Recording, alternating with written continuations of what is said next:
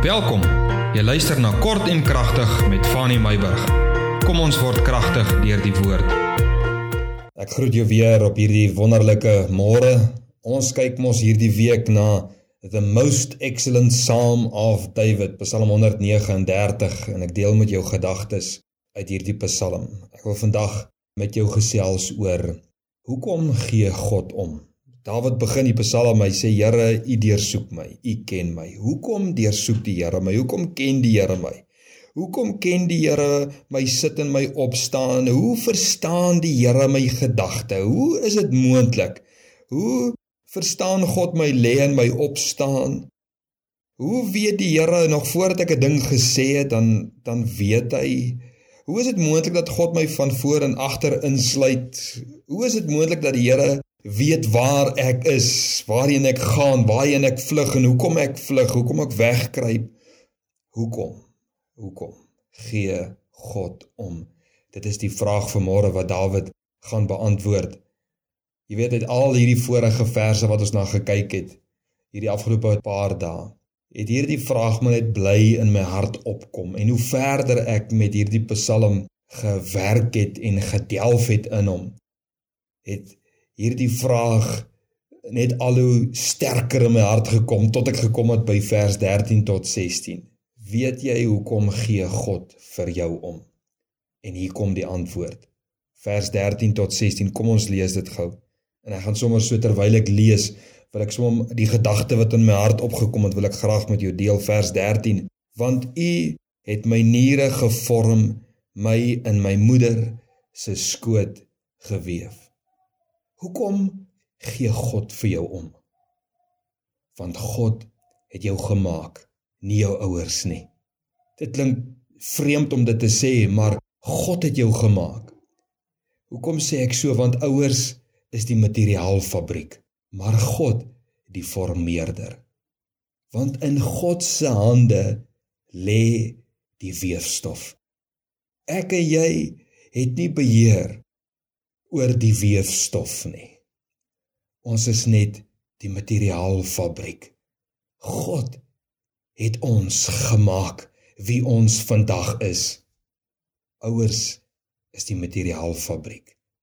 Iemand het eendag gesê God is in the kitchen and I am in the oven en God kyk naby. God maak my.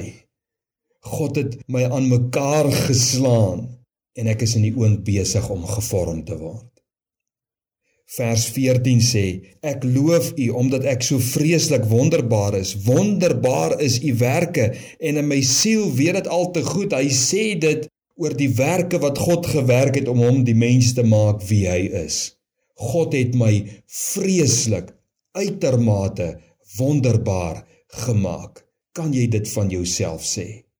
Sal jy dit van jouself sê? Dit is wat God van jou sê. Dit is wat Dawid van homself sê en dit is wat Dawid vir ons sê. God het my vreeslik uitermate wonderbaar, wonderlik gemaak. God het nie 'n fout gemaak toe hy jou gemaak het nie. God het nie 'n fout gemaak toe hy jou gemaak het nie. Hoeveel jong mense, hoeveel groot mense loop rond en wonder en dink hoeveel kinders baie keer sê dit is my skuld dat dinge sleg gaan in die huis. En baie keer dan sê mense maar God het 'n fout gemaak toe hy my gemaak het. Nee, God maak nie foute nie. En jy is nie 'n reject nie. Jy het dalk nie alle kwaliteite nie, maar vir God is jy vreeslik wonderbaar. Hoekom? Want jy is sy weefsel. Vers 15: My gebeente was vir u nie verborge toe ek in die geheim gemaak is nie. Kunstig gewewe in die dieptes van die aarde. Die heel eerste gedagte wat ek daar sien is God het gewaak toe die weefstof in die fabriek afgelaai was. En hy het jou gewewe met daardie weefstof sonder die inmenging van mense toe doen. God het gewaak. toe die weefstof in die fabriek afgelaai was. En die volgende gedagte vers 16 U oë het my ongevormde klomp gesien en in u boek is hulle almal opgeskrywe. Daar dat alles bepaal was toe nog geen een van hulle daar was nie.